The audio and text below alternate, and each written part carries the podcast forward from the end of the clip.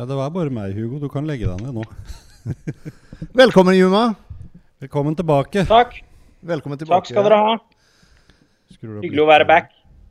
Good to be back. Yes. Good to be back. Så bra. Du har kommet i gang fullt med personlig trening og sånne ting nå etter at gymmen åpna? Ja, vet du hva? Det gikk mye fortere enn det jeg trodde. Uh, var litt sånn forberedt på at det skulle være lavsesong, i og med at uh, det er det man er vant til. Men det har vært stikk motsatt. Altså, folk som tar kontakt og skal være hjemme i sommer og trenger å komme i gang med trening og sånn. Så bruker penga på PT istedenfor på ferie, virker det som. Ja. Uh, det er ikke noe- Good for you. Good for me, ja. Klager ikke. Nei, jeg, jeg, jeg vet det, for kjæresten min hun eh, er også blitt en del av ditt team eller din coaching nå, så jeg skulle hilse yeah. fra Nine. Ja, ja, ja. ja. Det var, hun ble tydeligvis imponert av det hun så sist, så, så hun hooka opp med deg med en gang, hun. ja hyggelig å høre det. Ja, ja. Så bra. Um, for dem som kanskje ikke hørte når du var med sist gang, så kan du vel bare ta en eh, kjapp uh, presentasjon av deg sjøl? Ja. Heter uh, Juma Iraki. Jobber som personlig trener på Avancia på Skedsmokorset. Driver til eh, daglig et firma som heter Iraki Nutrition, hvor jeg tilbyr eh, PT, online coaching, foredrag og har også drevet en del med bedriftsrådgivning i næringsmiddelindustrien. Er uh, utdanna PT fra Norges idrettshøgskole. Har en eh, mastergrad i idrettsernæring og noe som heter IOC-diplom i idrettsernæring, som er en toårig spesialisering. Og så driver jeg litt med forskning på, på siden. Har eh, muskelvekst og metabolisme som mine eh, interesseområder. Har uh, tona det ned litt det siste året, kanskje. Rett og slett fordi det har vært mye eh, forskning jeg har vært involvert i. Jeg har vært involvert i fem-seks ulike prosjekter de siste årene. og Det er jo først nå mange av dem begynner å bli publisert, da, for det tar veldig lang tid å få ting eh, publisert. Men jeg hadde to publikasjoner i, i fjor. En som gikk på optimalisering av kosthold eh, for muskelvekst, spesifikt mot uh, kroppsbyggere. Men det kan jo også appelleres til, uh, til mannen i gata som ønsker å maksimere gains. Uh, og så var det en annen studie vi hadde som gikk på dette med med viktigheten av energioverskudd for muskelvekst. Da.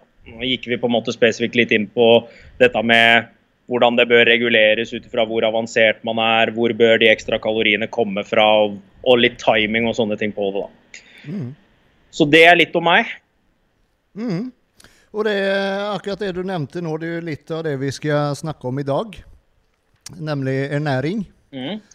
Eh, og vi har jo noen punkter her som vi skal gå gjennom, så vi kan egentlig bare ta og starte med den første.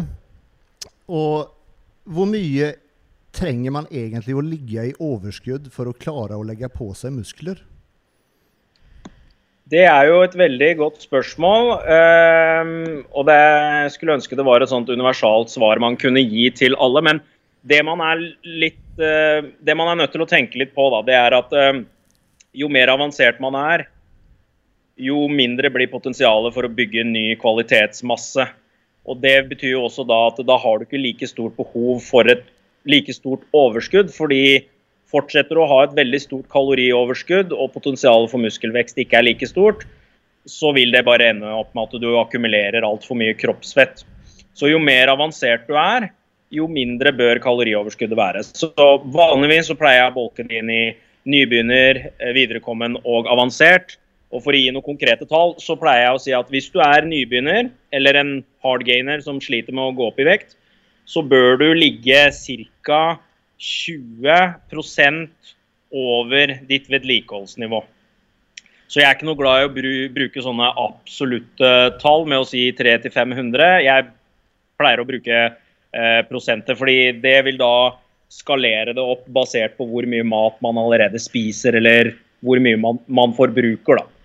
Så for en nybegynner så er det røftlig 20 over uh, vedlikeholdsnivå du bør ligge på. Når du er viderekommen, så er det 15 Og når du er avansert, så er du opptil 10% Kanskje bare en 5-10% Vi snakker ikke mye.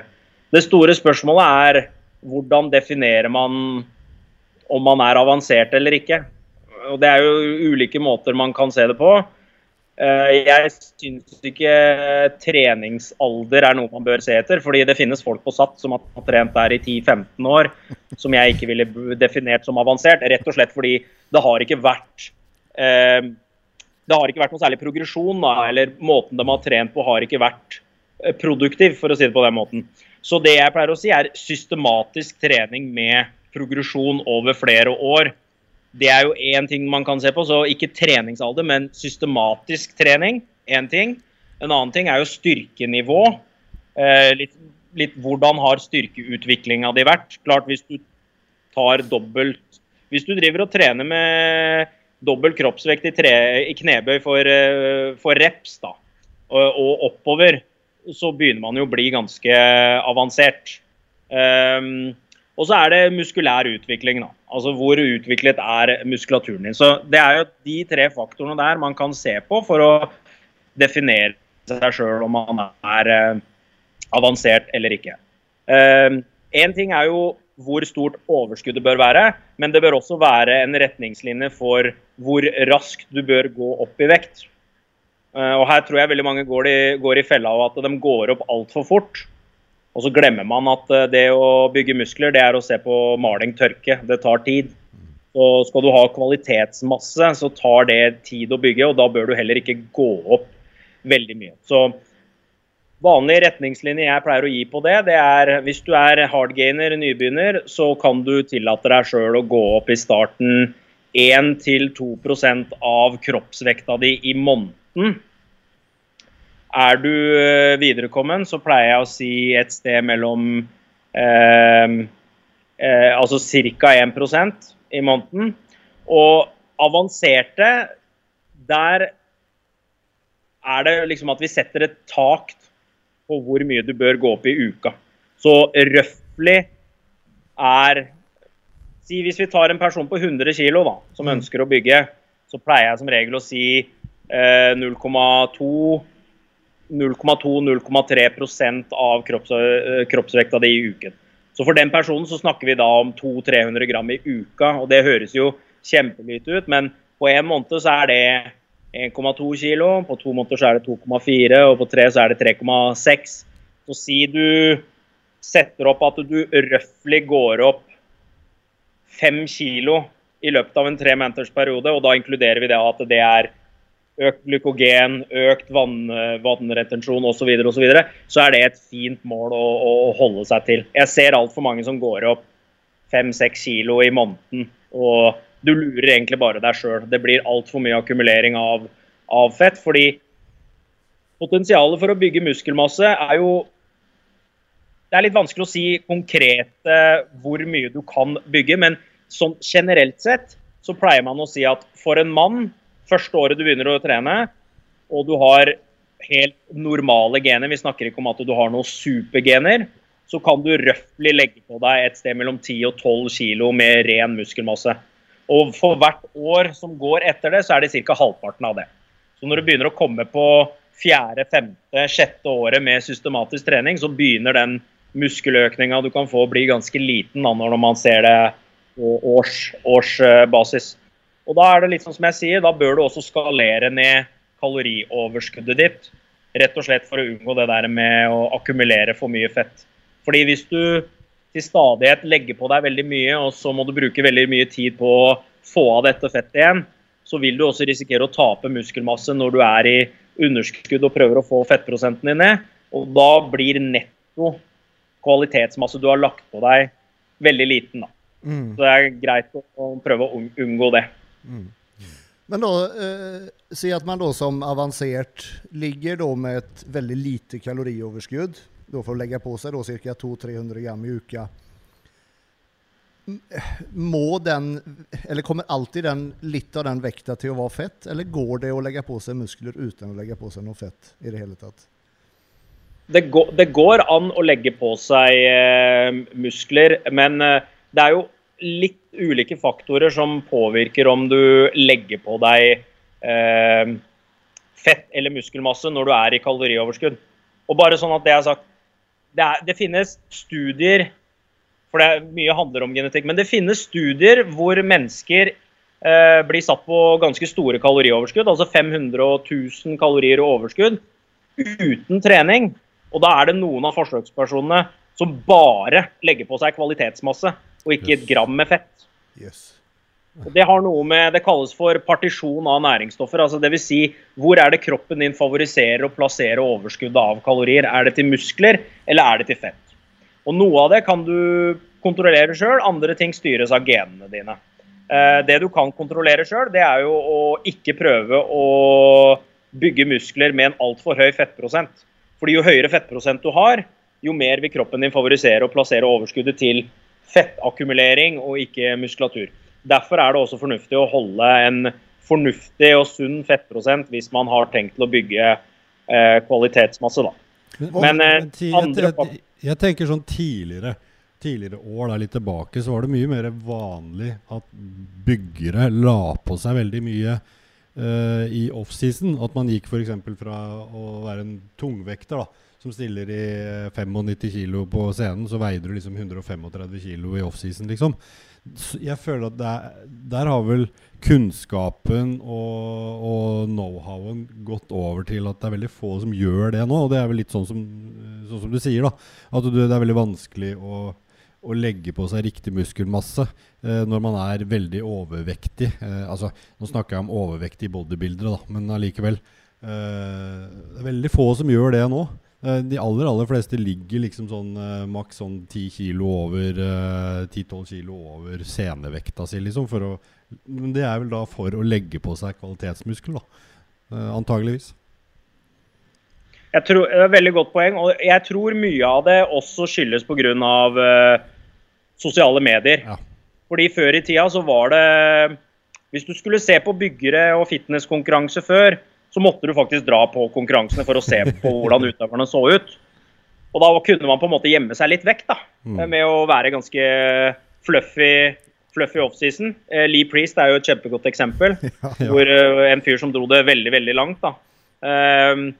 Men eh, nå er det nok litt mer eh, altså Det stilles kanskje litt mer krav til, eh, til de som driver med bodybuilding og, og, og fitness, til å være i ganske god form året rundt for å være klare for eh, eh, fotoshoots. eh, det er eh, sponsorer som setter kanskje andre krav til dem, rett og slett fordi man er mye mer synlig i eh, sosiale medier. da. Men eh, man Men det er, vel, det er vel en bra ting, egentlig, da, i forhold til dette her med å ikke legge på seg for mye. Så Selv om vi kan, eh, vi kan si mye om sosiale medier og det, den impacten den har på unge mennesker osv., men det, det, akkurat i forhold til å ikke da bli for overvektig og feit i offseason, da er det jo en bra ting. Absolutt. Bare man passer på at man ikke Altså man skal tillate seg sjøl offseason og, og, ha litt mer kroppsfett. Eh, rett og slett fordi det kan være gunstig for optimalisering av eh, testosteron bl.a. Eh, og rett og slett fordi det også hjelper på styrkeøkning. Men det finnes en sånn, finnes en sånn sweet spot da, hvor det kan være fornuftig å ligge. Eh, begynner å bikke under 8 eh, offseason og skal liksom holde deg der hele tiden, så er kanskje ikke det det mest optimale for å ha en eh, produktiv offseason. Men hvis du klarer å ligge mellom, mellom 10 og 15% er liksom sweet spot, vil jeg si, for, for hvor det kan være fornuftig å holde fettprosenten sin. For da får du på en måte normalisert ting litt igjen. Det er for menn, da? Hva sa du? Det er for menn, ja. Ja, Så och kvinner kvinnor. pleier som regel å si 10% over de anbefalingene man gir for menn. da. Ja. Og Det er godt du nevner det, fordi i stad så sa jo jeg dette med 10, 10 kilo muskelmasse, 10-12 kilo ren muskelmasse eh, første året, og så halvparten for hvert år som går etter det. Det er jo også da for menn. Så kvinner kan man si er ca. halvparten av det igjen. Ok. Mm. Men uh, litt uh, mer sånn eh, kanskje enkeltspørsmål i forhold til Nå snakker vi om kalorioverskudd, kaloriunderskudd.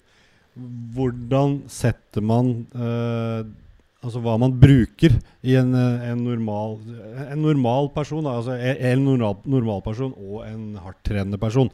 Vi har jo begge typer lyttere, holdt jeg på å si.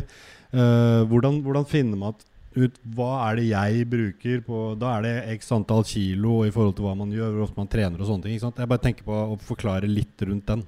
Sånn at, Ja, Det er faktisk det neste spørsmålet. Hvordan ja, man finner ut sin energibalanse. ja, ja, kjempebra. Da, da tok jeg den, da, uten Ja. at jeg visste den. Eh, hvis jeg skal gi en veldig enkel formel, og dette er jo ikke noe jeg har tatt ut av løse lufta Når jeg gjorde en del av disse hvilestoffskiftemålingene mine, så ønsket jeg å teste en, eh, en, en hypotese, da. Eh, Og det var innenfor fitnessmiljøet så har man alltid sagt at cirka, hvilestoffskifte er ca. Ti ganger eh, kroppsvekta di i pounds. Så det jeg gjorde, var jeg tok alle deltakerne jeg hadde i studien, så tok jeg de faktiske målingene deres. Som var målt med, med, via noe som kalles for indirekte kalorimetri. Og så tok jeg alle deltakerne og så ganga jeg kroppsvekta deres med 22. Og så ønsket jeg å se på differansen. Diffen, gjennomsnittsdifferansen mellom alle forsøkspersonene når jeg gjorde dette, var 11 kalorier. Oi. Så Så det var de- ganske spot on å si kroppsvekt ganger 22 er ca. hva hvilestoffskiftet ditt er. Mm. Så for de som ikke vet hva hvilestoffskiftet er, så er det den mengden energi kroppen din trenger for å opprettholde viktige livsfunksjoner. Da. Sånn at hjertet skal slå, lungene skal fungere sånn som de skal, og nyrene skal gjøre jobben sin. Det er x antall kalorier i løpet av en dag som går til det, uten at du trenger å gjøre noe som helst. Mm. Men så må vi igjen finne ut hva, hva med hvis vi er i aktivitet. Eh, det man kan bruke da, det er eh, Jeg har en sånn femkategoris eh, multipliseringsfaktor som jeg bruker. da. Hvis du, er, hvis du ikke trener og er ekstremt inaktiv, eh, type kontorjobb, ikke trener, så tar du hvilestoffskiftet ditt og så ganger du det med 1,2. Eh, hvis du trener eh, to-tre ganger i uka på helsestudio, men har en inaktiv jobb, så ganger du det med 1,4. Majoriteten av folk som har et gjennomsnittlig aktivitetsnivå, eller er kanskje over gjennomsnittet Er jeg tilbake? Ja. Bortsett T eh, ta det siste på nytt. Ja, jeg kan ta den siste. Eh, når du finner ut hvilestoffskiftet ditt, så må vi jo gange dette med en type multipliseringsfaktor. Og jeg har jo da fem kategorier eh, for det. Hvis du har en kontorjobb og ikke trener, så tar du det du fant ut med å ta kroppsvekten ganger 22. Eh, det ganger du da igjen med 1,2 for å finne ut hva ditt vedlikeholdsnivå er. da. Det er den mengden energi da som du gjør at du verken går opp eller ned i vekt. Hvis du trener, men samtidig har en ganske inaktiv jobb, så ganger du det med 1,4. Majoriteten av folk som har en eh, moderat aktiv jobb og trener et sted mellom tre og seks ganger i uka, ender opp på et sted mellom 1,6 og 1,8 som multipliseringsfaktor. Men hvis du har en fysisk jobb, altså hvis du jobber som håndverker og i tillegg trener så å si daglig med høy intensitet, eh, da er vi fort oppe på to. Det jeg definerer som eh, ekstremt aktiv. da. Mm. Så eksempelvis hvis vi da hadde hatt en person som vi fant ut at hvilestoffskiftet var 2000, da, men med aktivitetsnivået så sier vi at eh, den aktivitetsfaktoren er to, da ender vi opp med et vedlikehold på 4000 kalorier. Og da er det igjen Neste steg da blir å definere hvor er jeg, er jeg nybegynner, viderekommende eller avansert. Hvis jeg da er eh, avansert, så legger vi oss 5-10 over. Så 4000 kalorier, 10% over, 4400 kalorier. Det er der vi begynner. Og så tracker vi da hvor mye går vi opp i muskel, altså hvor mye går vi opp i vekt per uke. Hvis vi klarer å holde oss innenfor det vi ønsker, så gjør vi ingenting. Hvis det blir for mye, så kutter vi tilbake. Hvis det ikke skjer noe, så legger vi til mer. Men da bør man legge på ganske gradvis. Da. Noen ganger så er det nok å bare legge til 100 kalorier ekstra per dag. Mm. Og så ser man hvordan ting går, og så jobber man seg videre derfra. Eh, så jeg ville ikke falt for den her å legge på 400-500 kalorier ekstra, fordi det blir fort ganske mye, da. Mm. Men eh, for de som syns dette blei mye, så hvis du går på nettsida mi, jumairaki.com, så går det an å laste ned en muskelvekstkalkulator. Og Da kan du bare plotte inn tallene dine, og så gjør kalkulatoren alle disse kalkulasjonene for deg.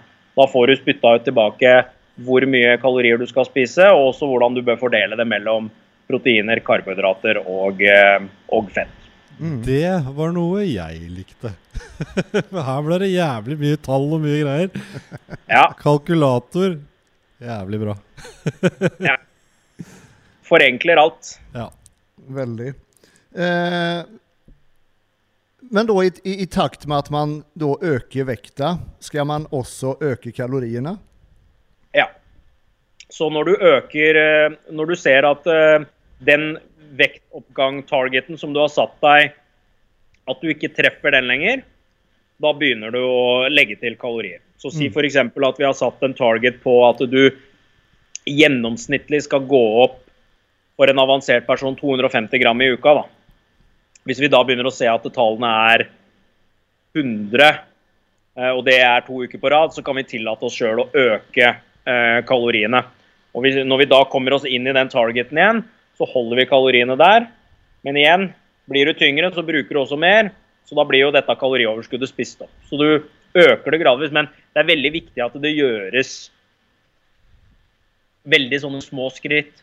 Jeg har jo folk jeg jobber med som vi begynner på 80 kg, og så året etter så er de 80 kg. Og så da ville man jo sett ut fra tallene og tenkt at her har det ikke skjedd noen ting. Men det er en sånn komplett endring av fysikken på det ene året. Mm. Det er mye mer muskelmasse. De har 80 kg er på en mye lavere fettprosent. Og jeg er mye mer fan av å egentlig prøve å jobbe oss innenfor et intervall og bare fintune den vekta for hver gang. Da. Så vi mm. sier f.eks. at vi holder oss et sted mellom 80 og 90 kg. Og når vi når 90 kg, så er det liksom det er taket vårt for, eh, for hvor, mye, hvor tung vekta vår skal være. Og så gjør vi kanskje en eh, en vektreduksjonsfase for å få av eh, kroppsvett. Mm. Og så begynner vi på en ny fase. så bygger vi altså. Målet på sikt er jo at du skal, du skal ha like lav fettprosent på 90 kg som det du har hatt på 80 kg f.eks. tidligere. da. En sånn 10 kilos differanse. Mm. Og Det er rett og slett bare for å holde oss altså Det gjør det bare mentalt sett litt enklere for folk å holde seg innenfor det. fordi det der med å blåse opp 20-30 kilo, bruke evigheter på å få det av seg, og så skal du bygge deg opp til det igjen, det, det er ikke så veldig produktivt i lengden. Nei. Det er det ikke. Uh, og, da, og når man så skal komme i form, da, eller begynne å, å redusere kroppsfettet, hvor, hvor stort bør kaloriunderskuddet være til å begynne med? Hvor skal man starte, liksom? Godt spørsmål. Det kommer jo litt an på hvor mye du har å ta av. da. Eh, fordi Har du veldig mye kroppsvett å ta av, så kan du tillate deg sjøl å være mye mer aggressiv med kaloriunderskuddet. Det er fryktelig mange som går rundt og er veldig redde for tap av muskelmasse når de er i kaloriunderskudd. Men så lenge du trener styrke og opprettholder et høyt proteininntak, så er det egentlig ikke sånn kjemperisiko for å tape muskulatur før du begynner å liksom bikke under 10% kroppsvett da begynner det på en måte å bli veldig kritisk med og at du må være veldig nøye med hva du gjør for å ikke tape muskelmasse. Men jeg ser altfor mange folk som har 20-30% kroppsfett, og så er de redde for å tape muskelmasse. Men så sier jeg på en måte til dem at du har så mye fett på kroppen din at kroppen din kommer ikke til å begynne å targete musklene dine og svi av det. Den kommer til å gå på fett. Men jo mindre fett du har på kroppen, jo mindre har du å beskytte muskulaturen din med, og da er jo muskulaturen mye mer utsatt. Og da risikerer man at man taper muskelmasse. Generelt sett så pleier jeg å si 20% underskudd for majoriteten av folk. Du, har du veldig mye å ta av, altså hvis du har 20% kroppsfett pluss for en mann og 30% for en dame, så kan du pushe det til 30 underskudd. Eh, men når du begynner å komme ned i ja, single digits, da, altså under 10 kroppsvekt, så, så, bør ikke underskuddet ditt være så veldig stort. Da pleier jeg å si 10% underskudd. Og det er rett og slett bare for å prøve å bevare mest mulig muskelmasse. De som har stilt i fitness før, har sikkert eh, de, de, har jo opplevd dette med at på slutten så må du på en måte Det er nesten som å lande et fly. da. Ikke sant? Du må ta det veldig pent og rolig på slutten for å ikke risikere å, å tape for mye muskelmasse. Så det kan jo fort, eh, det kan fort være sånn at de første månedene du var på diett, så, så, går det mange kropps... Eh, altså prosenten Fettprosenten din går veldig kjapt ned, men på slutten så kan det kanskje ta fire uker å få av eh, en halv eller 1% mens i starten av dietten så kanskje du tok av 1-2% i, i uka. Og litt sånn kan det være fornuftig at det er også. Fordi igjen, du har en mye større risiko for å tape muskelmasse jo mindre fett du har på kroppen. Mm.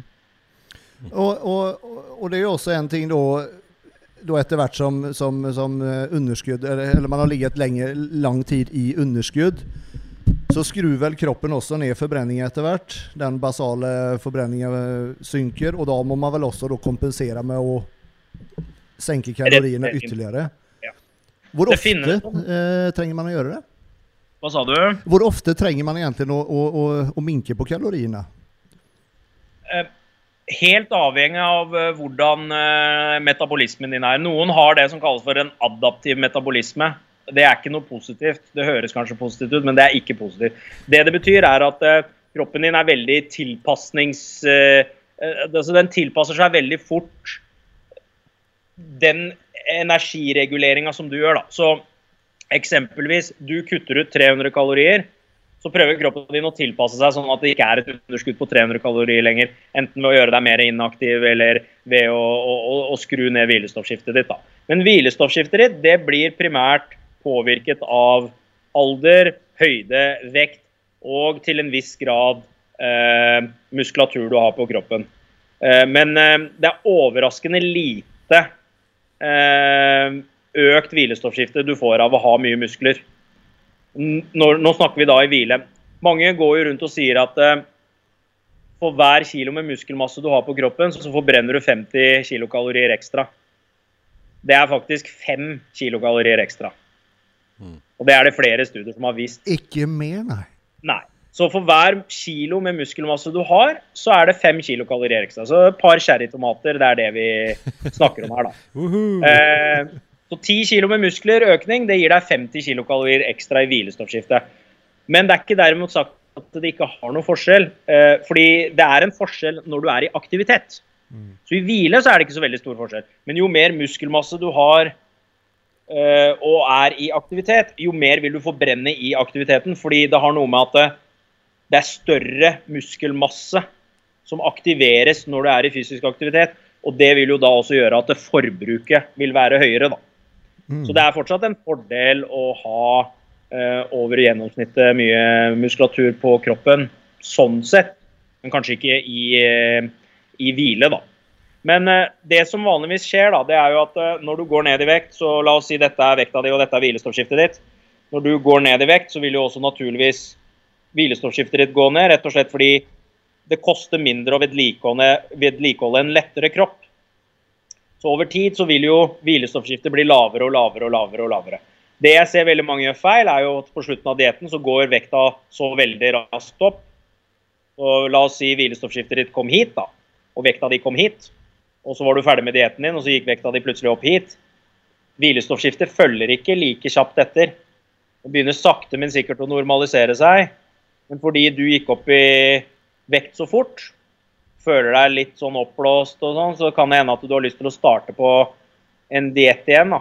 Og da gjør du det før hvilestoffskiftet har normalisert seg. Du kanskje kom hit igjen.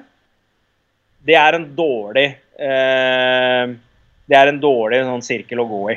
Fordi over tid så vil hvilestoffskiftet bli lavere og lavere og lavere. og lavere. Da blir det vanskeligere og vanskeligere og vanskeligere for deg hver gang du går på diett. Mm. Det er derfor jordoslanking ikke er så veldig bra. Eh, at man må være litt sånn eh, forsiktig med det. Da. I hvert fall den vektoppgangen etter en vektreduksjonsfase er veldig viktig å passe på. Fordi eh, der kan du akkumulere fett veldig fort. Altså, du kan gå opp veldig raskt. Spesielt hvis du har hatt en veldig veldig lav fettprosent. Så man bør være litt sånn der nøye med den der transition-fasen der. fordi det er jo også den fasen hvor du potensielt kan bygge mest mulig kvalitetsmasse, fordi kroppen din er så sensitiv i den fasen der. da. Mm. Men der ser jeg altfor mange som, eh, som, bommer helt, spesielt etter fitnesskonkurranser. Eh, begynner, å, begynner med kanskje en, en cheat-dag, og så bare, så bare fortsetter det. Ja, så hadde jeg da hvor lavt man egentlig kan gå på kaloriene. Si at man har da eh, den, den eh, basale forbrenninga ligger på ca. 2000. da. Og så er du på eh, siste ukene på en diett, ikke sant? Og du, du, ligger rimelig lavt på kaloriene. Men hvor lavt kan man egentlig gå i forhold til hva som er den basale forbrenningen? Hvis du skjønner hva jeg mener? Optimalt sett så bør du jo ikke på en måte være under eh, hva hvilestoffskiftet ditt er. Men det kommer jo litt an på hvor lenge har du tenkt å gjøre det her. Om det er snakk om de siste ukene på en fitnessdiett før en konkurranse, så, det, eh, så, vil ikke det ha så veldig stor betydning. Men kronisk eh, altfor lavt energiinntak over tid er ikke, ikke bra. Verken for uh, hvilestoffskiftet ditt eller hormonene dine eller restitusjonen din, prestasjonen din, benhelsen din. Det er fryktelig mye uh, negative effekter av å ha et veldig lavt energiinntak over veldig lang tid.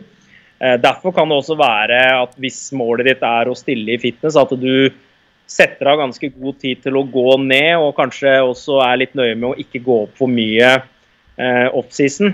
Da kan du på en måte begrense tid med et veldig stort kaloriunderskudd over en lengre periode. Mm. En av de forskningsområdene jeg har hatt, er jo det som eh, går på det som kalles for energitilgjengelighet blant idrettsutøvere. Så energitilgjengelighet vil da si fordi idrettsutøvere trener så mye og bruker så mye energi, eh, hva er igjen av energi som kroppen din kan bruke til eh, fysiologiske behov? da? For man ser veldig mange idrettsutøvere, de, de, spiser mye, men samtidig så kan de ha et fryktelig høyt energiforbruk. Uh, og da ender det opp med at det er altfor lite kalorier som er tilgjengelig for å opprettholde helse. Mm. Og der ser man at uh, de, spesielt de idrettene hvor man er nødt til å holde en viss vekt, eller hvor man må ofte opp og ned i uh, eller ofte ned i vekt da, før konkurranse, så ser man at det har en negativ effekt både på Hvilestoffskifte har negativ effekt på testosteron, østrogen, negativ effekt på benhelse. Eh, så det er mange sånne parametere hvor det er, eh, er negativt. Da. Det jeg pleier å gjøre med folk som, når folk kommer til meg og har tenkt å stille, eh, det er at vi alltid starter diettene med at jeg måler hvilestoffskiftet deres på Avancia på Skedsmokorset, hvor jeg jobber. Sånn at vi har en baseline, og så tar vi blodprøver. For det er tall vi bruker eh, etter konkurransene. Så vi tar, vi tar blodprøver og eh, tar hvilestoffskifte før konkurransen. Og så gjør vi det etter. Og så, når vi på en måte begynner å reversere ting etter en konkurranse med å gradvis øke kaloriene og normalisere ting, så tar vi en, en test til gjerne to-tre måneder etter det. Og det er for å se at alt har normalisert seg igjen. da. Mm. Generelt sett så tar det like lang tid som du var på diett for å normalisere ting. Så var du på diett i tre måneder, så vil det ta tre måneder før alt normaliserer seg igjen med, med, med det hormonelle osv.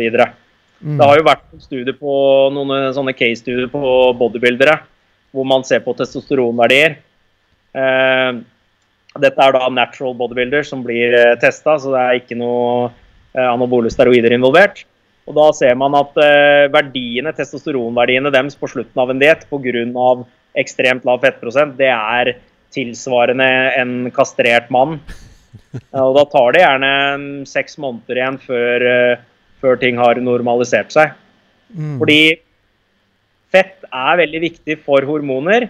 Kanskje i mindre grad eh, fett som kommer fra kostholdet, for det er det veldig mange fokuserer på. Men kroppsfett ser ut til å være eh, veldig viktig for eh, normale eh, verdier av eh, testosteron og østrogen. Så både en for lav fettprosent og en for høy fettprosent hos en mann vil negativt kunne påvirke testosteronverdiene. Mm. Fordi Blir fettprosenten din for høy, så vil du konvertere for mye av testosteronet til østrogen. For du har et enzymer som aromatase, som er i Beklager. Som du har i fettvevet. Og det er jo da hos menn så er det jo sånn at østrogenverdiene blir jo da konvertert fra testosteron.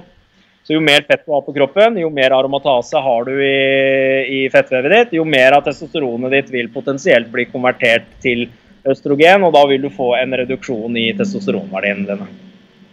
Så Det er derfor jeg også sier en sånn sweet spot for hvor du bør ligge eh, for eh, fettprosenten din, er eh, fornuftig når du har tenkt å bygge muskler, også fordi det påvirke testosteronverdiene. Mm. Sen har vi også det her eh, da, hvor mange ganger per dag skal man spise? Før så var det alltid at byggere de skal spise seks ganger om dagen. Minst. Gjerne flere. Mm. Men, men, men hvordan er det, er det egentlig? Har det egentlig noe å si over hvor mange måltider man sprer ut sitt kaloriinntak? Både for å legge på seg og for å gå ned. Svaret på det er både ja og nei. Nei fordi for vektreduksjon så ser egentlig kroppen din bare total mengde energi du har spist i løpet av en dag. Du har noe som heter termisk effekt av mat. Det vil da si mengden energi kroppen din bruker på å rett og slett behandle og bearbeide den maten du spiser. Så det å bryte ned mat, transportere det, lagre det osv., det er også prosesser som krever energi. Eh, men den termiske effekten av mat den blir på en måte avgjort av det totale energiinntaket, men også av hvordan sammensetningen din er. da, fordi det krever mer å bryte ned proteiner enn det gjør karbohydrater og fett. Så mm, Fordelen med proteiner på akkurat det området der, når det gjelder vektreduksjon, det er jo at eh, netto kalorier du sitter igjen med fra proteiner, er betydelig lavere enn hva du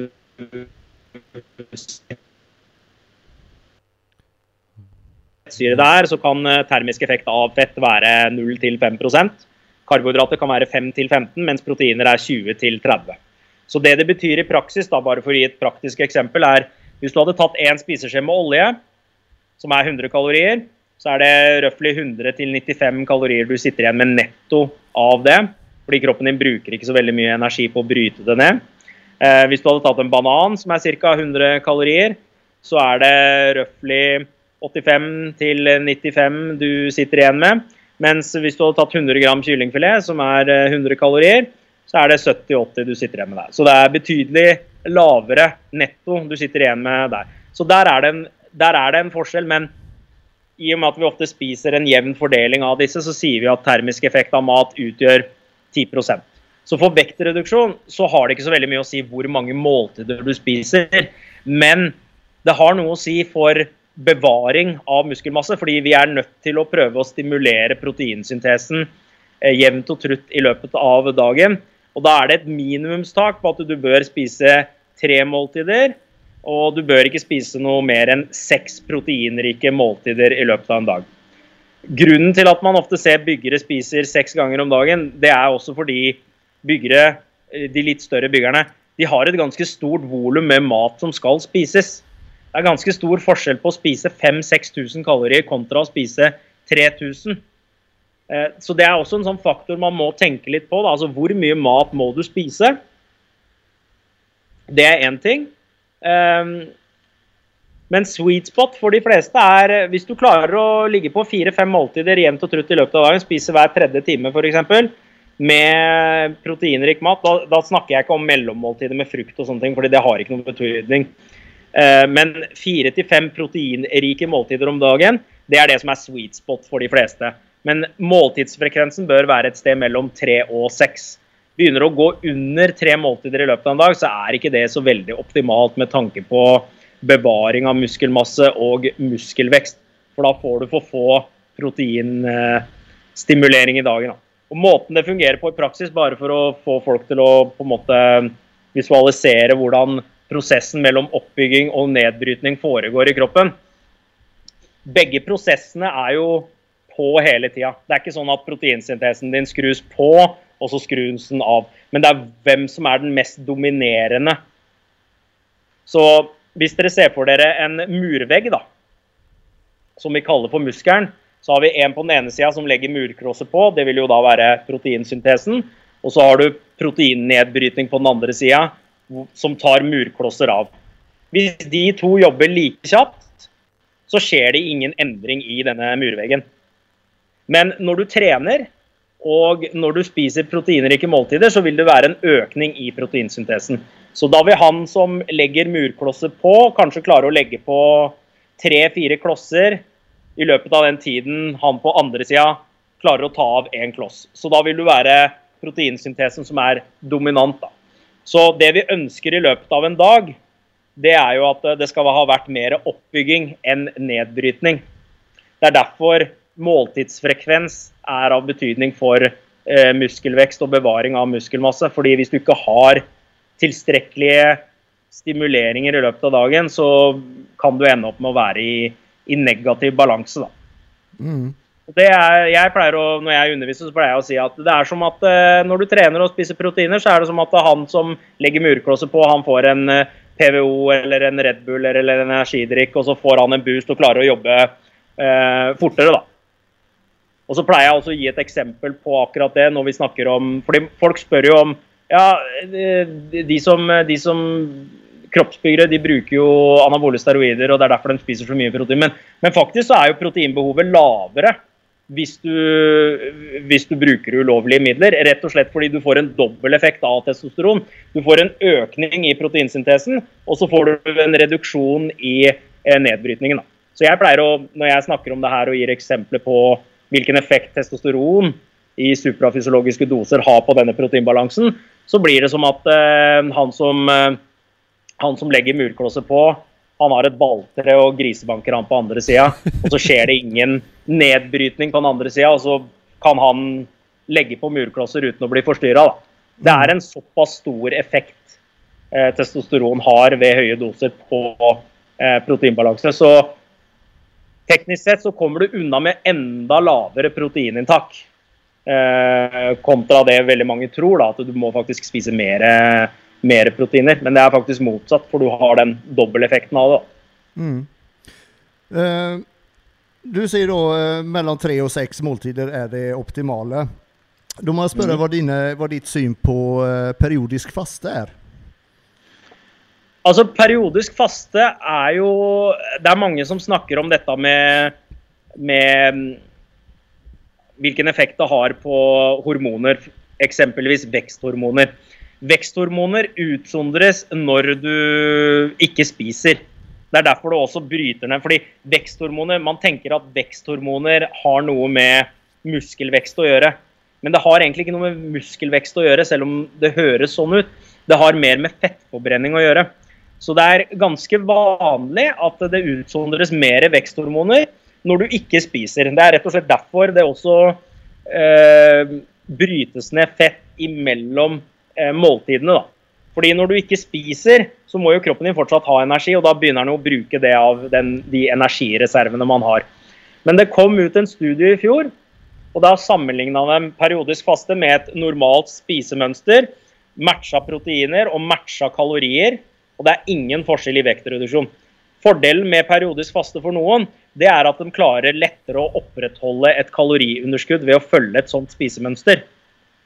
Så for vektreduksjon så ser det ut til å funke bra for noen som trives med å kanskje ikke spise frokost, og heller trives bedre med å øh, spise store måltider i en begrenset periode. Men optimalt sett er det, optimalt sett er det ikke for øh, muskelvekst, da, hvis vi skal begynne å tenke på optimalisering, så er det ikke det mest optimale du gjør.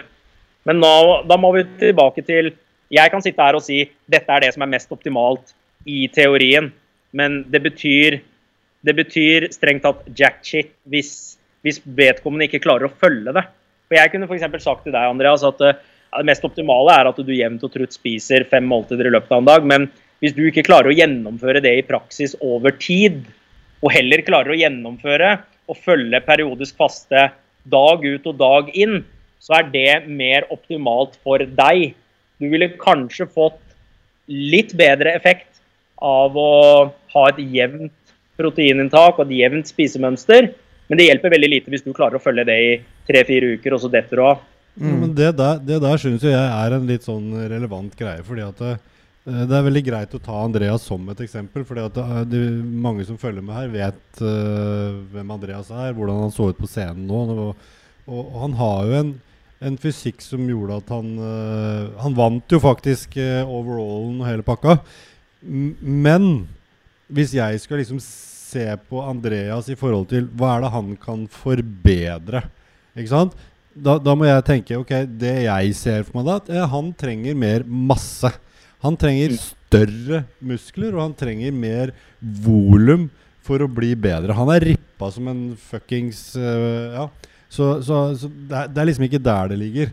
Men han spiser jo også da sånn periodisk fast, fastesak eh, dag ut, dag inn hele året. ikke sant? Han går uten mat fra Nå starter han jo på jobben midt på natta, da. Men eh, når han kommer hjem, så spiser han jo da kjempemåltider. Og han klarer jo å bibeholde og holde den formen han har utrolig bra. Altså Han flyr rundt her med en hard sixpack eh, nå, liksom, flere måneder etter konkurransen. Men allikevel så burde han legge på seg volum. Og, det du sier da, er at ja, for Andrea så ville det faktisk vært bedre om han hadde spist som en oldtime-bygger og fått i seg proteiner gjennomgående hele dagen. Eh, men vi, jeg tror jo kanskje at det ville vært en anbefaling for den Hvis han hadde klart det, da. Hvis han klarer å gå over til en sånn jevn proteintilvekst av, av, gjennom dagen istedenfor det han gjør nå. Men som du sier, hvis Andreas ikke klarer det, så er det jo bedre at han fortsetter på det han gjør, og heller øker inntaket, sånn at han da kan legge på seg muskulatur. Mm. Så, så, det er, det er en sånn, litt sånn relevant uh, greie å prate om her nå, fordi at Andreas sitter her, og de fleste vet han er, og hvordan han ser ut. Uh, nude, holdt jeg på å si. Men nå skal det også sies da at jeg, jeg går veldig sakte opp i vekt, da, som jeg nevnte til Juma tidligere. at jeg jeg følger de riktlinjerna som du har der på med muskelkalkulatoren. Då. Så jeg ligger hele tiden et litet overskudd. Og jeg går opp jeg går opp kanskje én kilo i måneden, men ikke noe mer enn det. Eh, mm. Og da må jeg også skyte inn at, at jeg har også sett noen studier med periodisk faste, eh, der de har hatt spisemønster 16-8, dvs. Si 16 timer faste, 8 timer eh, matinntak. Eh, og, og, der var det ingen forskjell i, i hypertrofien på de forskjellige eh, testgruppene. da. Mm. Har, du, har du sett den studien også? Jeg har ikke sett den, eh, jeg har ikke sett den studien. Det har jeg ikke. Eh, men eh, man må også da se på hvilken populasjon denne studien har blitt gjort på. Mm. Ikke sant? Fordi en faktor som er litt viktig å tenke på her òg, det er at La oss si du er nybegynner, da. Så har du en økt proteinsyntese på 48-72 timer.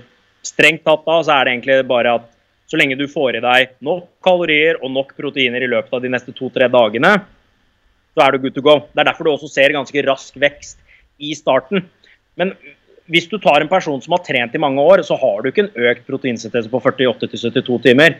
Du har kanskje eh, jo, jo lengre du trener, jo mer avansert du er, jo kortere blir denne proteinsyntesen etter treninga.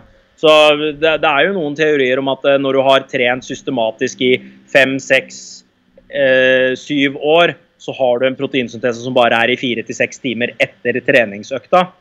Da begynner det å bli veldig viktig å tenke på dette med eh, timing, distribusjon av proteiner osv. osv. Det blir mer fokus på eh, detaljene. da. Det er derfor man også ser at jo eldre man blir, jo mer utfordrende er det å bygge muskler og bevare muskelmasse. For det har noe med at eh, kroppen din over tid blir mindre sensitiv for proteiner. Eh, og det er jo ganske mye forskning, eh, fokus på det hos eldre og proteininntak. Eh, det, kalles for, eh, det kalles for anabolsk resistens. Og det man ser er at Eldre ser ut til å måtte spise mer proteiner for å få samme respons som yngre. På, for å få den samme effekten på proteinsyntesen. Og da begynner det å bli viktigere med distribusjon, optimal dose med proteiner til hvert måltid, og et høyere totalt uh, proteininntak. Mm. Men jeg syns det er bra at vi, vi, vi, snakker om det her, fordi det her er jo en sånn typisk greie som jeg opplever med mange som, som trener. at uh, Sånn som når jeg sier nå at optimalt sett så er det bedre med en normal distribusjon, så er det veldig mange som tolker det som at uh, hvis du ikke gjør det, så får du ikke resultater. Og det er ikke det jeg sier. Jeg bare sier at hvis du skal virkelig prøve å optimalisere ting og få maksimalt ut av det du ønsker, så er dette det mest optimale. Men det er ikke så svart-hvitt som veldig mange tror. Sånn som vi snakka om sist òg, med, med, trening og treningsfrekvens. Da, at det, nå har det blitt litt sånn veldig mye fokus på høyfrekvens trening. Og da er det folk som tror at med mindre du trener muskelen minst to-tre ganger i uka, så skjer det ingenting. Og litt sånn som jeg sa, forskning viser at du får fortsatt ganske god effekt av å bare trene muskelen én gang i uka. Men du kan kanskje få noen prosent ekstra hvis du hadde hatt en litt høyere treningsfrekvens. eh, da. Og Det er derfor jeg også er litt på og sier det til eh, deg, Andreas, at eh, så lenge du klarer å følge periodisk faste, og det funker for deg med tanke på at det er noe du har innarbeida som en vane og en rutine, og du klarer å følge det over tid, så er det det viktigste. For det hjelper veldig lite å ha den perfekte kostplanen, den perfekte distribusjonen eh, og den perfekte optimaliseringa om folk ikke klarer å følge det. Ikke sant. Og alt bør jo på en måte tilpasses sånn sett. Og det er jo en sånn utfordring man har litt i fitnessbransjen. Fordi fitnessbransjen har en sånn, en sånn ramme på at du må gjøre sånn, og du må gjøre sånn, og du må gjøre sånn. Og så er det veldig lite fleksibilitet med tilpasninger til individer. da. Mm. Det gjør jo at folk går rundt og tror at ja, i dag spiste jeg fem måltider, men jeg skulle egentlig spist seks, og denne dagen her er bortkasta. Det er litt sånn folk har eh, ideer i huet sitt, da. Mm. Ja, det er det. Men grunnen til at jeg gjør det, det er at det, det passer meg så bra. Og øh, så slipper jeg å lage matbokser, for jeg er så dritlei av å ha med matbokser overalt. Det er så enkelt. Jeg har to måltider om dagen som jeg lager hjemme og spiser. Veldig enkelt. Og, og, og så med tanke på det med jevnlig proteinfordeling, da, for jeg spiser da første måltid etter, rett etter trening.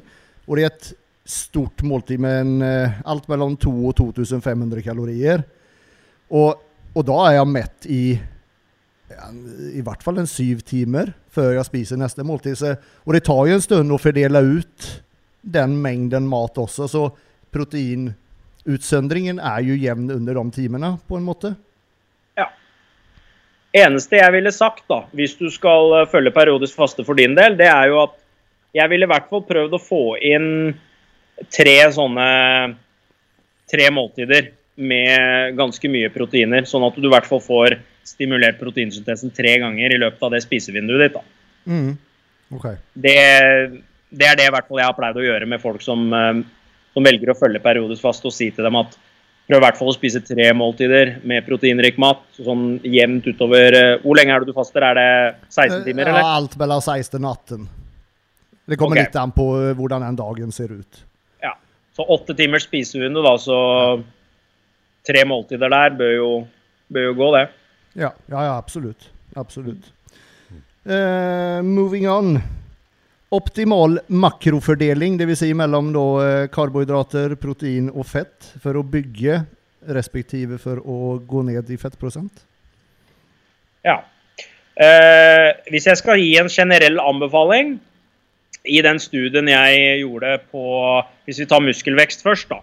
Så er det jo vært en del eh, forskning som viser at eh, hvis du klarer å holde proteininntaket ditt mellom 1,6 og 2,2 gram proteiner per kilo kroppsvekt, så er det optimalt for eh, muskelvekt. Så eh, enkel huskeregel her er jo å si to gram proteiner per kilo kroppsvekt.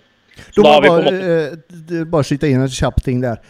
Eh, da mellom 1,6 og 2,2 gram protein. Men er det da protein fra høyverdige kilder, som typ da kjøtt, fisk etc., eller er det totale proteiner også, det du får fra havregryn og ris og sånne ting? Det er et veldig godt spørsmål, for det er på en måte en faktor som veldig mange glemmer. Og jeg, når, du, når vi snakker om proteiner, da, så, så er det flere ting vi må tenke på. Vi må først tenke på total mengde proteiner. Vi må tenke på proteinkvalitet, som er det du nevner nå. Vi må tenke på proteindose til hvert måltid og distribusjon av protein i løpet av dagen. Så når det gjelder proteinkvalitet, så ser man at plantebasert protein stort sett ikke er like optimalt som eh, som animalske proteinkilder. Eh, Og det man da må gjøre, er rett og slett å kompensere med å spise større mengder eh, vegetabilske eller plantebaserte proteiner for å få samme effekt som de animalske gir. da. Eh, Men det jeg pleier å gjøre, det er vi finner først ut total mengde med proteiner. Så la oss si en fyr på 100 kg, 200 gram med proteiner. Det er det første vi gjør. Og så finner vi ut OK, hvor mye proteiner ønsker vi å ha til hvert måltid. Studier viser jo at eh, et sted mellom 20 og 40 gram proteiner til hvert måltid er det du bør ligge på. Problemet med de studiene er at når man sier 20 gram proteiner, så er det 20 gram myseprotein de har brukt i de studiene. Og det er jo den proteinkvaliteten som er aller høyest. Så de fleste går ikke rundt og drikker proteinshaker til eh, hvert måltid. Så hvis vi skal ha noe som er litt mer praktisk, så pleier jeg å være litt på den safe siden og si 30-40 gram med proteiner. Og så sier jeg at du teller alt. Du teller på en måte alt av proteinene du spiser, men to tredjedeler av det du spiser, skal komme fra en komplett kilde. Så eksempelvis, hvis jeg sier 30 gram proteiner, og du spiser eh, til lunsj brød og proteinrikt pålegg Hvis 20 gram kommer fra kokt skinke og gulost, da, og 10 gram kommer fra brød, så er det greit. Det er OK akseptert. Men hvis det derimot er sånn at du spiser 10 gram som kommer fra skinke og ost, og 20 gram som kommer fra brødet, så er ikke det så optimalt. Så regelen bør da være Først så finner du totalmengden med proteiner. Så fordeler du det slik at hvert måltid har 30-40 gram ca. Og så er det sånn at to tredjedeler av det bør komme fra en komplett kilde. Det er de retningslinjene jeg pleier å gi. Så når det gjelder distribusjon eller antall måltider, da. Det jeg gjør, er jo at jeg ser på totalmengden først, og så ser jeg OK, hvor mange måltider i løpet av dagen med 30-40 gram klarer jeg å, å, få inn og samtidig opprettholde et intervall på 3 til 6. Hvis vi bruker eksempel på han 100 kilos-karen som trengte 200 gram, så ville jeg sagt fem måltider. 40 gram fem ganger om dagen. Da har vi totalt sett fått 200, og så har vi holdt oss innenfor 3 til 6 måltider. Hadde f.eks. vært en jente som, trengte, eh, som veide 60 kg, så hadde jeg kanskje sagt fire måltider. Da hadde vi hatt 30 gram fire ganger om dagen. Så jeg lar, med mindre personen har utfordringer med å spise nok eller trives med et lavere spisemønster, så, så lar jeg på en måte de to tingene, altså totalt proteininntak og proteindosen vi ønsker til hver måltid, bestemme hvor mange måltider vi trenger å spise i løpet av en dag. Da. Uh, så det er jo da proteiner. Så når vi har funnet ut hvor mye proteiner vi trenger og gitt kaloriene dit, så er jo neste trinn at vi går over på fett. Uh, fett når du er i muskelvekst, Eh, optimalt sett så bør du ikke ligge under 0,5 gram per kilo kroppsvekt. Ved et veldig høyt kaloriinntak så kan du øke det til 1,5 gram per kilo kroppsvekt. Men sånn sweet spot og en enkel huskeregel er 1 gram per kilo kroppsvekt med fett. Så hvis vi tar denne 100 kilos-karen, la oss si han trenger 3000 kalorier. Og så har vi fordelt 200 gram til proteiner. Da har vi 800 kalorier som har gått inn. Fordi 1 gram med proteiner er 4 kilokalorier. Så av de 3000 så har 800, 800 kalorier gått til proteiner. Og så sier vi at han trenger 1 gram fett per kilo kroppsvekt. Da er det 100 gram med fett. 1 gram fett er jo da 9 kilokalorier. Så det er 900. Og da har vi en restmengde med kalorier igjen. Så 3000 minus 800 som gikk til proteiner, minus 900 som gikk til fett. Da har vi ja, hvor mye har vi da? 1700? Mm. Eller er det jeg på dårlig hueregning? Nei, det stemmer bra, det. Nei, nei. 1300. Sorry. 1300. 1700 har vi brukt. ja, vi, vi, har brukt 1700, ja. Mm. ja. Så hvis vi tar og skal finne ut karbohydratmengden, så kan vi bare ta og dele det, det tallet vi har i rest igjen, som er 1300, på 4. 1 gram med karbohydrater er 4. Da sitter vi igjen med 325 gram med karbohydrater. Så 200 gram proteiner, 325 gram karbohydrater, 100 gram med fett. Men jeg har også en retningslinje på karbohydratinntaket at du bør ende opp et sted mellom 3 til 5 gram. Bare ta en teknisk stopp her igjen. Må restarte ja. kameraene. Så karbohydrater har jeg også en retningslinje på. Det er eh, Du tar restkaloriene, men du bør ende opp et sted mellom 3 til 5 gram per kilo kroppsvekt med tanke på å opprettholde prestasjon. Så mm. det er jo da for muskelvekst. Eh, eneste forskjellen med vektreduksjon, det er jo at eh, jeg foretrekker å holde proteininntaket litt høyere. Så gjerne opp til 2,4-2,5 gram proteiner per kilo kroppsvekt. Grunnen til det er eh, fordi det kan bidra til å lettere bevare muskelmasse. Men det er også fordi noen studier viser at eh, hvis du opprettholder et høyere proteininntak og er i kaloriunderskudd og klarer å opprettholde progresjon i treninga di, så kan du klare å bygge litt muskelmasse mens du er i kaloriunderskudd i tillegg. Så det er litt andre faktorer som er grunnen til at jeg foretrekker å holde proteininntaket litt høyere ved underskudd. Da. Og jo lavere fettprosent du har, jo mer bør du på en måte scale opp. Eh, hvis vi sier et intervall på 2-2,5 gram proteiner per kilo kroppsvekt, jo lavere fettprosenten din er, jo høyere opp på den skalaen bør du ligge. Rett og slett fordi det er en større risiko for å tape muskelmasse. da. Mm. Jeg foretrekker også å holde karbohydratinntaket høyere. Eh, så det vi gjør, er egentlig å prøve å scale fettinntaket lenger ned. Eh, men det laveste vi går, er 0,5 gram per kilo kroppsvekt. Eh, grunnen til det er det er lettere å opprettholde intensitet med et høyere karbohydratinntak. Det er lettere å se eh, full ut i muskulaturen når du har mer glykogen i muskelen, istedenfor å ende opp med å se flat ut. Men uh, hovedgrunnen er egentlig at uh, så lenge du dekker det minimum du trenger av fett, så har fett ikke så veldig mange viktige funksjoner uh, utover potensielt det hormonelle. Du har på en måte mange mer fordeler med å ha et høyere karbohydratinntak. litt med å opprettholde energinivå, bedre prestasjon på trening, mer fyldighet i muskulaturen. så det er mange sånne ting som er med. En annen ting er jo også at uh, en del av disse hormonene som regulerer metthetsfølelse og sult, de blir jo enten skrudd opp eller ned når du er i et kaloriunderskudd. Uh, og da er det primært karbohydrater som kan være med på å regulere og opprettholde de. Så det er jo også en grunn til at uh, det kan være fordelaktig å ha et høyere karbohydratinntak. Og når du har da et høyere karbohydratinntak, et, et ganske lavt til moderat fettinntak, så blir du på en måte litt tvunget til å også spise mer råvarer. da. Litt mer clean, som man sier.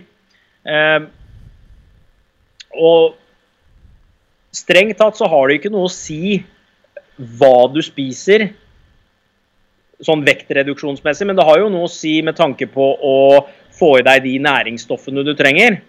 Men det er mange som går rundt og har en sånn idé i huset sitt at man blir ikke shredda med mindre man spiser torsk, gris og brokkoli.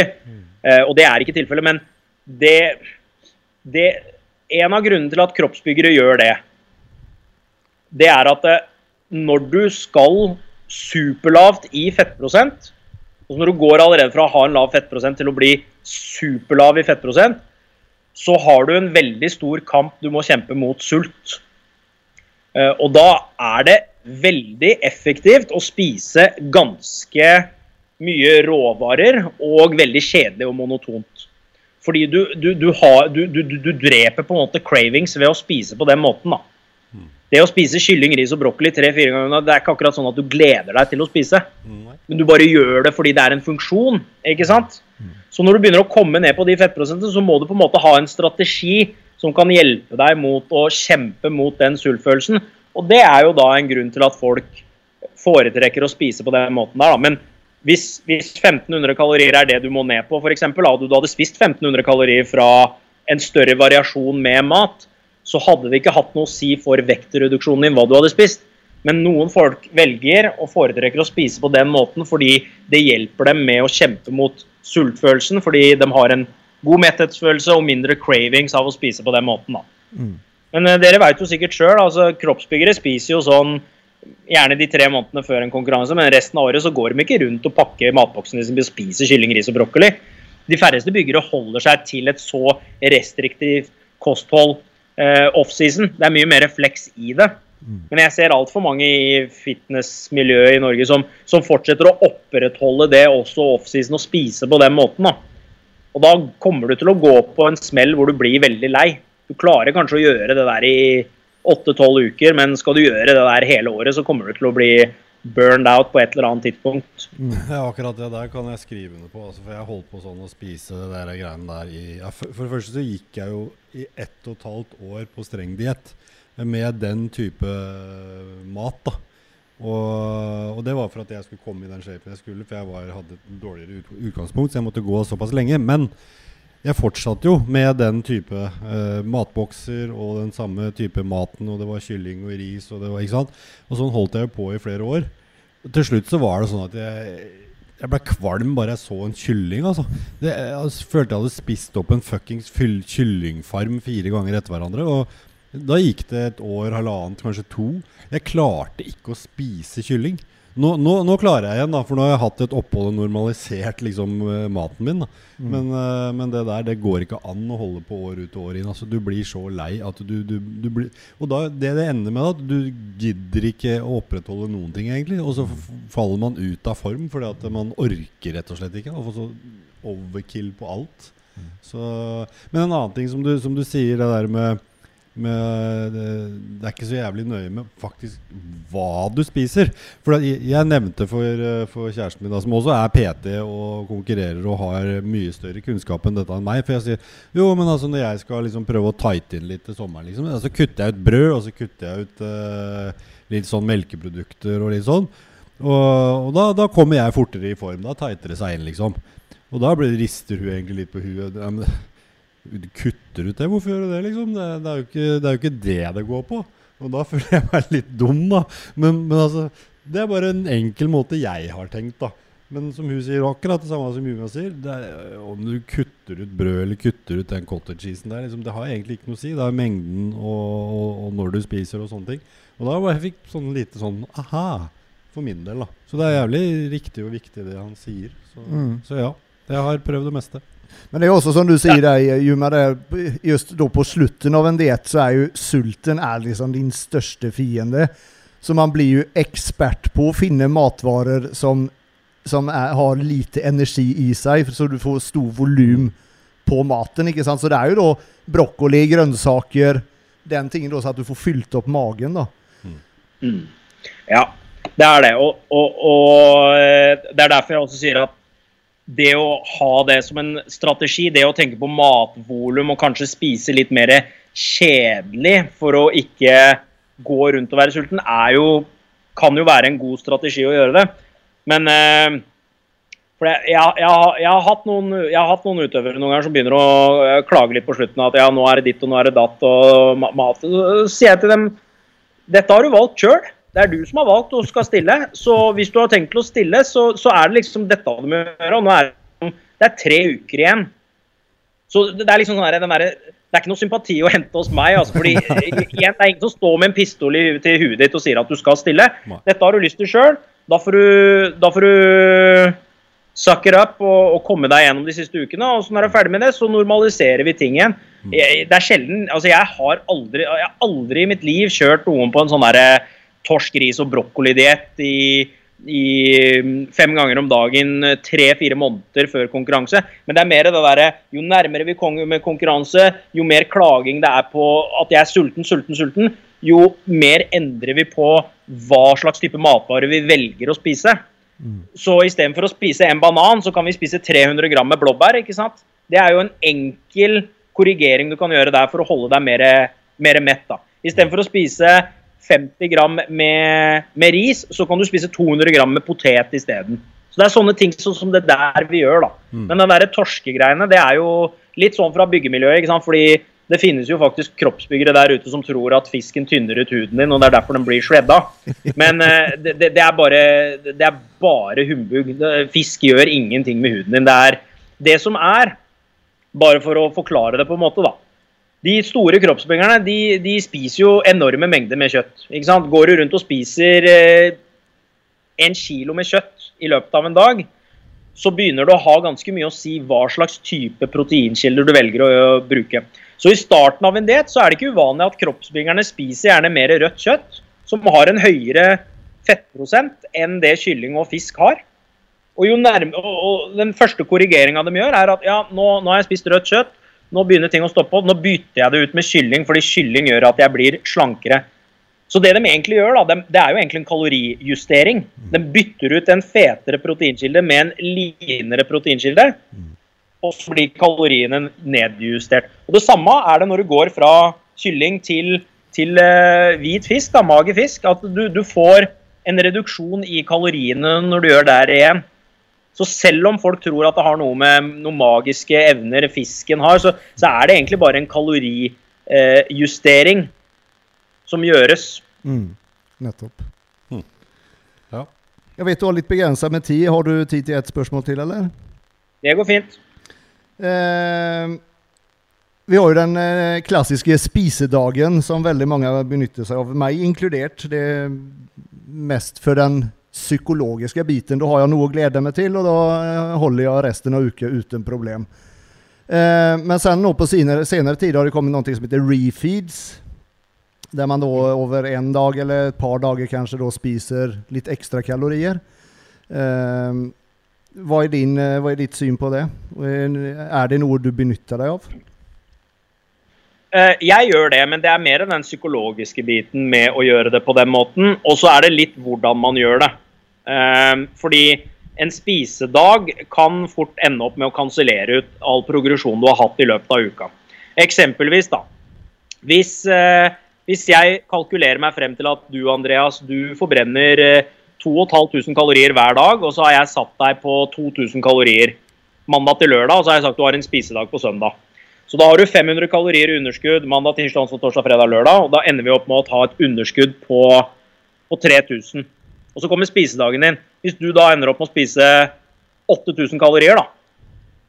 Og så begynner vi å se på Var du egentlig i kaloriunderskudd da, totalt sett i løpet av uka? Det var du jo ikke, fordi spisedagen din blei så enormt stor, da. Så så lenge det blir gjort innenfor visse rammer og kontrollerte former, så, så, er jeg fan av å bruke det. Ikke bare for de som skal stille, men sånn generelt sett så er det sånn at den største utfordringa folk har, det er at de er flinke mandag til fredag, og så sklir det helt ut lørdag og søndag. Og da, det, da kan man velge to strategier. Man kan si til kunden at ja, da må du bare ta deg sammen, og så må du bare være strengere med deg sjøl lørdag og søndag. Det er ikke en strategi som kommer til å funke i lengden. Så det jeg pleier å gjøre, da, det er at jeg regner meg frem til OK,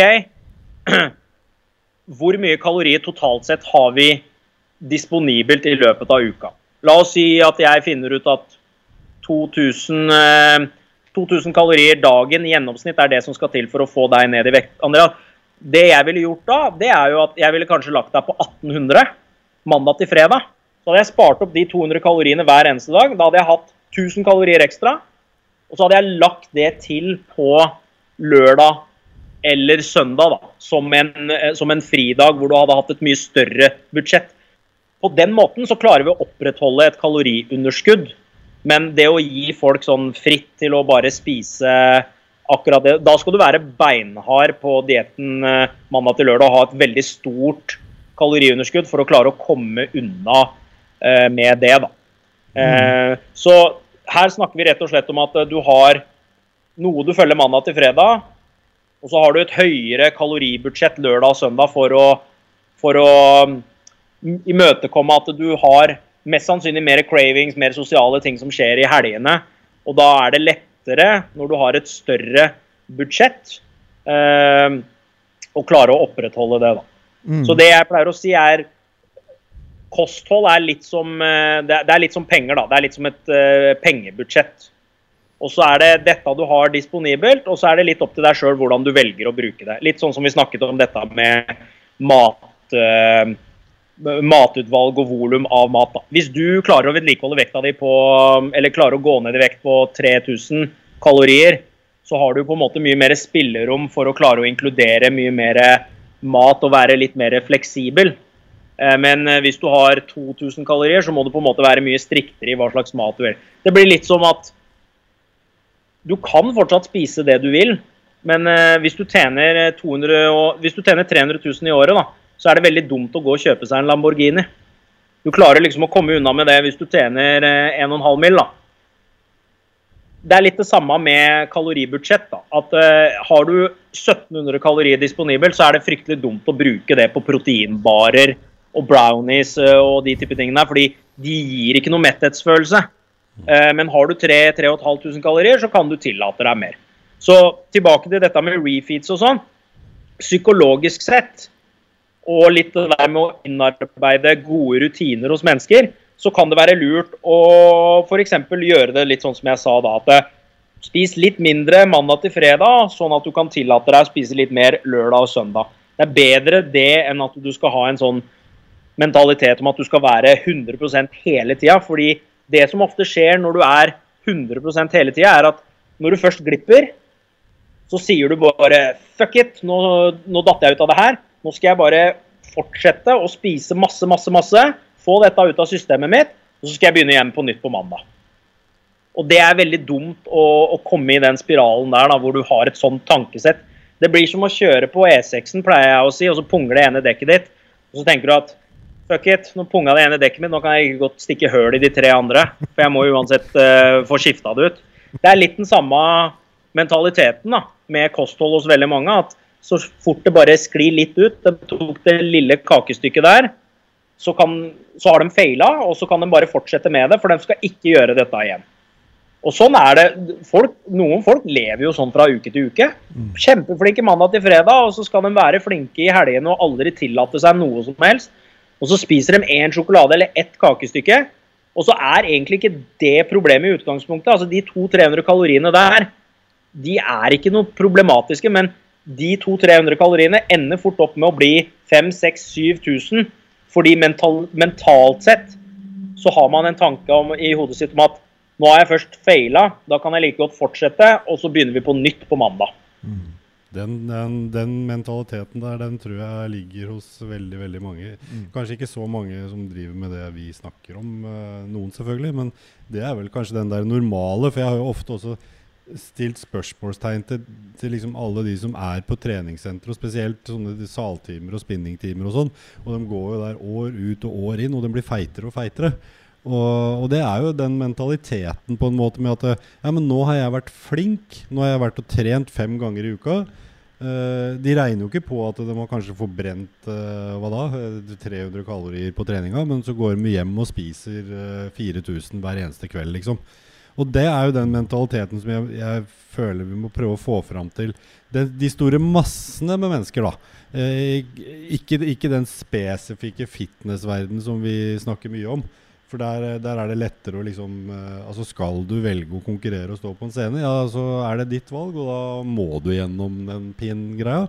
Men det der å ha et jevnt uh, sunt kosthold gjennom uka. Ja, spis uh, litt skit i, i helga, men hvis du, du, sier da, hvis du velger å spise en pizza eller en burger eller en uh, restaurantmåltid, så betyr ikke det at du skal fortsette gjennom hele helgen å spise potetgull, sjokolade, is, kaker. ikke sant?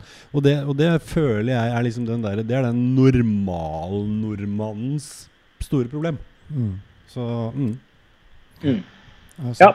Det, det, det, det, er helt riktig som du sier. Og så er det sånn ja, Jeg spiser sunt i hverdagene, men, men eh, det sklir litt ut i helgene. Men for mange så begynner jo helga etter klokka fire på en fredags ettermiddag. Så begynner du der, og så fortsetter gjennom lørdagen, og så, gjelder, og så søndagen. Og så er det energitett mat, og det er alkohol, og det er ditt. Og så, og så skjønner de ikke hvorfor de ikke går ned i vekt, eller hvorfor hvorfor den fortsetter å gå opp i vekt. For det er litt sånn som du sier, man blir litt lurt av at ja, man trener hver dag kanskje, men mengden energi du bruker på i hvert fall styrketrening, er ganske liten. da. Så det gjelder å på en måte, det er derfor jeg også sier at det gjelder å ha en strategi hvor du på en måte kan fortsatt leve et liv i helgene og ha det sosialt, men fortsatt ha litt rammer på, på hva du gjør. Det verste jeg ser, er jo Vi snakka jo litt om dette med kylling, ris og brokkoli. Og jeg, jeg, ser jo noen ganger eh, noen andre coacher eller Peter som, som, eh, som har eh, eh, Grete på 47 år som ønsker å gå ned i vekt. Og så får hun instrukser om at ja, nå må hun begynne å spise sånn. Og så er det liksom en fitnessdiett hun har fått. Grete har kanskje en fulltidsjobb og tre unger og, og, og trener tre dager i uka. det sier seg sjøl at det der kommer aldri til å gå i lengden. Det kommer til å funke så lenge hun er på den dietten der. Men der, hun lærer ingenting av å, av å følge et sånt kosthold. Det man må lære mannen i gata, det er rett og slett det der med eh, å, å, være litt fleksibel. Få bort den der svart-hvite mentaliteten om at uh, enten så er du på eller av diett. For det er det som egentlig ødelegger mest mm. for folk. Ja, at de ikke klarer ikke minst, den der eh, reguleringa. Ikke ikke minst dette her med, med massemedier. Altså Uh, spesielt til hver sesong så er jo VG og Dagbladet og alle disse store de, de Få vekk magefettet. Ja, altså, sånn blir du kvitt magefettet. Sånn uh, trener du bort magefettet ditt. ikke sant? Altså, og, og, folk tror jo på det, for jo mer man prenter inn altså Jeg jobber jo med reklame og markedsføring, og jeg vet jo altså jo, jo mer du prenter inn ubevisste og bevisste meldinger, om det er en logo eller om det er at du kan punktbrenne bort uh, sideflesket, liksom jo, Folk tror på det. For det, det, er det som står i, i, VG, eller de har sagt på TV 2, eller ikke sant. Da er det sant. Og det er den jobben PT-er og, og, vi som jobber med sånne ting, må jobbe med. Det er samme som jeg sier til folk som at ja, men jeg har lyst til å begynne å trene, men jeg hater og jeg tør ikke å gå inn på et uh, treningssenter. Nei, men Hvorfor skal du da absolutt trene på et treningssenter? Finn noe du syns er gøy. Om det er å løpe i skogen eller, uh, eller whatever. Bare hvis du prøver deg på ting som Og det blir det samme med kost. Hvis du prøver deg på ting som du ikke vil, ikke har lyst til og ikke syns er noe ålreit, så klarer du heller ikke å gjennomføre det i lengden. Så det er liksom basic-greia. Mm. Ja. Jeg tror, jeg tror, mange flere hadde fått Nå jobber jo jeg både med idrettsfolk og helt vanlige folk som bare ønsker livsstilsendring, men jeg tenker alltid Jeg sier alltid til folk at eh, når det gjelder trening og kosthold, så må det være liksom på det nivået at eh, du føler at vet du hva, det jeg gjør akkurat nå med trening og kosthold, det kunne jeg gjort hver dag resten av livet mitt. Mm. For det skal liksom ikke koste deg altså, Det skal jo selvfølgelig være en egeninnsats, og det, det, det, kreves jo litt av deg. Men det skal ikke være sånn at åh, vet du hva, jeg gleder meg til jeg er ferdig med dette åtteukersprosjektet, og så skal jeg gå tilbake til det jeg dreiv med før. Mm. For da har du bomma på et eller annet. Det, her, det skal føles som at vet du hva, det her kan jeg gjøre hver dag resten av livet mitt. Jeg er mett, jeg har nok energi, og jeg får de resultatene jeg ønsker. Jeg, hvis, hvis eh, majoritet altså Hvis vi hadde tatt folk som ønsker å gå ned i vekt, hvis vi hadde bare sagt til dem at vet du hva, gå 10 000 skritt hver dag, tren styrke tre dager i uka, og ha et fornuftig, fornuftig kosthold alle, alle, vet egentlig hva vi, hva vi snakker om.